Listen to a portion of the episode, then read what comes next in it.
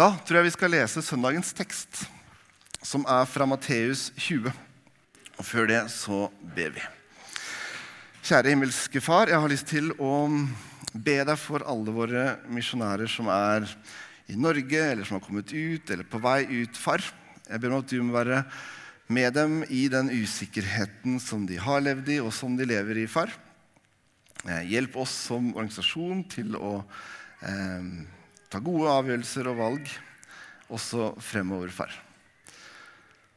Så jeg har lyst til å be for det jeg skal formidle nå, far. Vi legger det i dine hender. Amen. Matteus 20 står det som følger. For himmelriket er likt en Ja, dere må reise dere. Det glemte jeg. Stå opp. Noe vakkert. Da starter vi. For himmelriket er likt en jordeier som gikk ut tidlig om morgenen for å leie folk til å arbeide i vingården sin. Han ble enig med arbeiderne om én denar for dagen og sendte dem av sted til vingården. For en tredje time gikk han igjen ut, og han fikk se noen andre stå ledige på torget. Han sa til dem, 'Gå bort i vingården, dere også.' 'Jeg vil gi dere det som er rett.' Og de gikk. Ved den sjette time og ved den niende time gikk han ut og gjorde det samme. Da han gikk ut ved den ellevte time, fant han enda noen som sto der, og han spurte dem, 'Hvorfor står dere her hele dagen uten å arbeide?' 'Fordi ingen har leid oss', svarte de. Han sa til dem, 'Gå bort i vingården, dere også.' Da kvelden kom, sa eieren av vingården til forvalteren, 'Rop inn arbeiderne og la dem få lønnen sin.' 'Begynn med de siste, og gå videre til de første.' De som var lei ved den ellevte time, kom da og fikk én denar hver. Da de første kom fram, ventet de å få mer, men de fikk også en denar. De tok imot den, men murret mot jordeieren og sa:" De som kom sist, har arbeidet bare én time, og du stiller dem likt med oss, vi som har båret dagens byrde og hete. Han vendte seg til en av dem og sa, Venn, jeg gjør deg ikke urett. Ble du ikke enig med meg om en denar? Ta ditt og gå. Men jeg vil gi ham som kom sist, det samme som deg. Har jeg ikke lov til å gjøre som jeg vil med det som er mitt? Eller ser du med onde øyne på det jeg gjorde? Slik skal de siste bli de første, og de første de siste. Amen. Og vær så god og sitt ned. Jeg tror Skal vi forstå denne teksten enda et hakk bedre, så kan vi gå til kapittelet foran og se hva som står i forkant av at Jesus forteller dette. Der vi, leser vi bl.a. om hvordan Jesus tok de små barn til seg og sa 'Himmelriket hører slike til', sa han. Og det, Hver gang jeg leser den teksten om de små barn, så berører det meg mer og mer ettersom jeg selv har fått en liten tass. da. Og når jeg hver kveld legger hånda på hodet hans og ber velsignelsen for han, så vet jeg at han hører Jesus til. Samme hvor lite han klarer å få til å si og skjønne. Var, vi, vi, ber jo, så sier jeg som, ja, hva skal vi be for han? Han kan nesten ikke prate, gutten. liksom. Så sier jeg, hva skal vi be om? Og så sier han hesten. tenker jeg, Vi kan ikke be om hesten hver kveld. Altså, hva, Prøv å finne en eller annen måte å be for dyra på, da. Han, han hører Jesus til. Den minste. Og Så leser vi hvordan Jesus tok disse barna opp på sitt fang. Og Så leser vi videre om en annen mann som kom til Jesus, og Jesus sa, 'Selg alt og følg meg.' Og så ville han ikke, og så gikk han bedrøvet bort. Og Den historien ender opp med at Peter og Jesus kommer i en dialog som avsluttes med at Jesus sier, 'Men mange som er de første, skal bli de siste.' 'Og de siste skal bli de første.' Og så kommer denne fortellingen vi hørte. Som en forklaring på, en måte, på dette utsagnet fra Jesus. Og I teksten vår så møter vi en jordeier eller en bonde. Da. En bonde og som peker på en illustrasjon på Gud selv. Og Denne bonden er annerledes. Altså for det første så gikk han ut selv for å finne arbeidere. De fleste ville kanskje ha sendt en annen, men han gikk ut selv. Men det mest provoserende med denne bonden er at han gir alle lik lønn. Og det var provoserende da, og det er provoserende nå. At det er helt lik lønn. Og selv om når jeg vokste opp på gård og jeg, har ikke lært så mye av det, men jeg har skjønt at det er ikke lik lønn. Jeg husker jeg var tenåring, og så fikk jeg jobb borte hos Purre-Lars. Det var naboen. Han kalte vi bare Purre-Lars, for han drev med purre. Da var det flere somre så pakka vi purre. Og det er de lengste somrene i mitt Vi pakka purre, eh, og det lukta purre av meg hele sommeren. Konstant lukta det purre av meg. Mens vi jobba 14 minutter over tre, så skrev vi opp de 14 minuttene, for de var viktige. Vi skulle ha hver krone. Det var ikke snakk om lik lønn. Vi skulle ha fordi vi hadde jobba. Så kommer denne fortellingen, og da er det jo ganske provoserende lik lønn. Vi skjønner jo hvorfor de begynte å murre, de som hadde gått der hele dagen. Hvordan skal vi forstå denne fortellingen da? Jeg tror vi må forstå den i lys av Jesus sine ord om at de siste skal bli de første. Og vi må forstå teksten som en advarsel til disiplene om ikke å begynne å bli for høye på seg selv. Men først og fremst så tror jeg at vi skal forstå denne teksten fordi den lærer oss noe fantastisk om Guds nåde. For det handler om Gud. Det handler om hans fang og hvem som hører hjemme på hans fang. Det handler om de små barn som har like mye rett til å sitte på Guds fang som det Peter hadde. Og Teksten for meg handler på mange måter om at noe har blitt i orden mellom menneske og Gud. Og da handler det ikke om status. Det handler ikke om arbeidstid eller arbeidsmengde. Det er ikke det som er grunnlaget for Guds lønn. Men det handler om et lite barn som får sitte på Jesus sitt fang og har like mye rett til det som de som har jobba hele dagen. Da handler det om Guds godhet og nåde alene. Og Guds lønn kan jo på sett og vis være urettferdig i våre menneskelige øyne. Men den er basert på noe helt annet. Den er basert på Guds nåde. Og den lønna er uendelig god. Det er ikke noe vi gjør oss fortjent til. Det er en lønn som gir et evig liv. Og det er en lønn som Jesus ordnet på korset når han døde for oss, og så sto opp. Og det er en nåde som har rom for alle. For de som kom sist, får like mye nåde som den som kom først. Den som er rik, får like mye nåde som den som er fattig.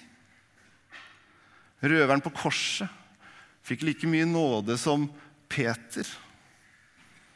Og så er det så mange skillelinjer som er viska bort.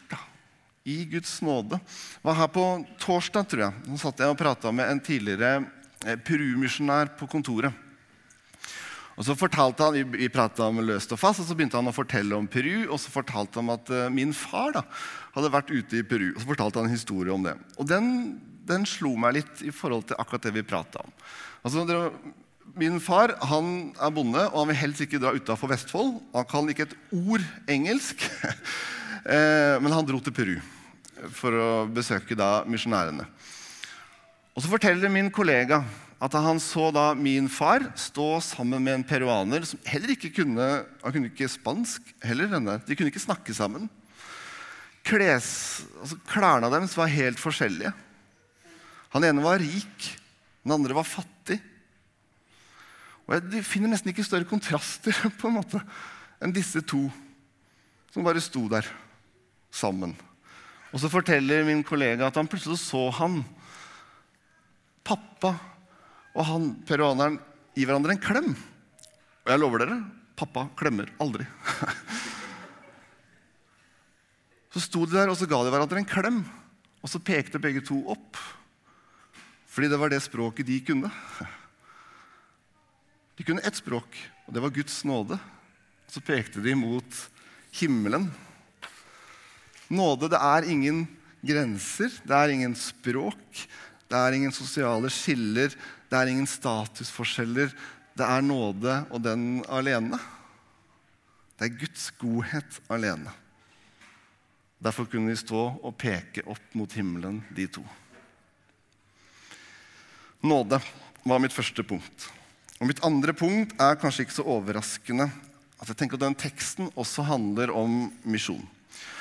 Gud trenger arbeidere, og han kaller oss til et liv i tjeneste. Livet i vingården er også et liv i tjeneste. Og det er et livslangt kall til å være til velsignelse for de rundt oss og dele budskapet om Jesus og hans nåde. Når jeg leste teksten, så begynte jeg å tenke en del på noe jeg hørte her forrige uke. Da var det vår, altså, Vi har en samarbeidsorganisasjon i Nord-Afrika, og deres tidligere leder satt jeg og hørte på. Det har ikke så mye med saken men han satt jeg og hørte på. Og så har Han snakka om det med å gå ut. Nå er det nok ikke så mye 'gå' i teksten. Gå, gå til vingården og jobb. Men Han snakka om det med å gå, og det bruker vi ofte i misjonen. Gå derfor ut. ikke sant? Og så har jeg hørt masse fantastisk gode eh, beskrivelser av det å gå. Og det hadde Paul også. Men han brukte da 'kom'. Gå og kom. Fordi når vi går ut, så kommer vi også til noe. Kom. Når jeg går ut av leiligheten min, så er det for å komme til noen eller komme sammen med noen. Gå for å komme. Og Hvis vi leser apostlenes gjerninger og leser om Paulus sin andre misjonsreise, så leser vi om at de var liksom, ånden stoppa de å dra dit, og det var på en måte liksom fram og tilbake i, i kapittel 16. Og så står det om natten hadde Paulus et syn. Han så en makedoner som sto og kalte på ham og ba, 'Kom over til Makedonia og hjelp oss.' Kom. Og hva sier dette ordet 'kom' for å forklare begrepet 'gå'? Jeg tror I misjonen så er det selvfølgelig at vi tenker at dette er vårt arbeid, dette er våre gaver som vi bruker. Og det er jo helt riktig. Vi har fått masse gaver av Gud for å bruke i hans vingård, i tjeneste for han. Men så må vi aldri glemme det at det er Gud, det er Guds misjon. Det er Guds misjon. Han er allerede på jobb. Bonden var allerede på jobb da han spurte 'bli med og jobb'. Han gikk ut. Gud er på jobb. Derfor sier han 'bli en del av min kropp', 'bli en del av min misjon'. Og Hvis vi leser misjonshistorie, så er det fantastisk å lese om hvordan Gud har altså vært på jobb. da. Vi sendte noen av våre eh, første utsendinger til et område som er det vi kaller sensitivt. Og Så fikk de kontakt med en lokal person som ville snakke om tro, og som etter hvert også ble døpt. Når de begynte å prate med han, så viste det seg jo at han for hadde hatt en drøm lenge før dette, hvor han så sin avdøde mor inni en kirke. Moren sa, 'Du vet hvor du finner meg. Det er i kirken.' Altså, Gud hadde allerede vært på jobb. Gud hadde vært der når våre misjonærer kom. Kom, bli med på mitt arbeid. Eller ta på kott i Kenya. Når vekkelsen brøyt løs i Pokot, da. når NLM kom dit, så hadde det vært en brite der i 35 år. Nesten ikke sett noen ting. Men hadde bedt og bedt og gått der og vært der. Gud, det er Guds misjon. Gud er på jobb. Og I dette begrepet 'kom' så ligger det også noe om gjestfrihet. Vi går ut for å si 'kom'. Kom og vær sammen med oss. Kom og se hvem Jesus er. Peter skriver 'vær gjestfrie mot hverandre uten å klage'. Og hvis vi ser på den greske teksten, så er gjestfri er å, eh, å elske den fremmede. Vi går ut for å si 'kom'. Kom og se, fordi vi elsker den fremmede. Og Det tror jeg ikke bare handler om å ha liksom åpent hus. liksom. Jeg tror Det handler om en livsholdning i livene våre. Nysgjerrig på det fremmede. interessert i det som er skummelt, fordi vi har et budskap om nåde å komme med. Da sier vi 'kom, kom og se'. Vi går ut for å være gjestfrie, og vi går for å si 'kom og se'. Jeg har brukt opp tida mi. Jeg skal runde av med en kort historie. For når denne bonden sier 'kom og jobb i min vingård', et kall til tjeneste, så mener han det. Han trenger oss. Han trenger menighetene og han, kirken, og han trenger oss, hans disipler på jorden, og vår tjeneste. I et av våre områder hvor også det er forfølgelse, så møtte jeg en pastor for to år siden. En ung pastor. Han har vært pastor i ti år. når jeg møtte han. Hans liv var skal vi si, mye fram og tilbake, også med Gud.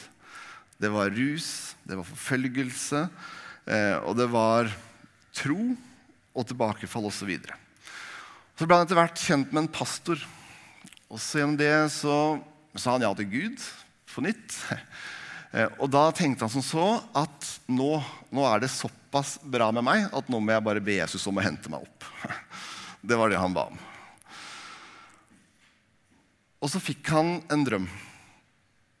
Og I den drømmen så ser han Jesus, og så sier Jesus, 'Jeg trenger levende mennesker på denne jord'. Den drømmen gjorde at han ble pastor.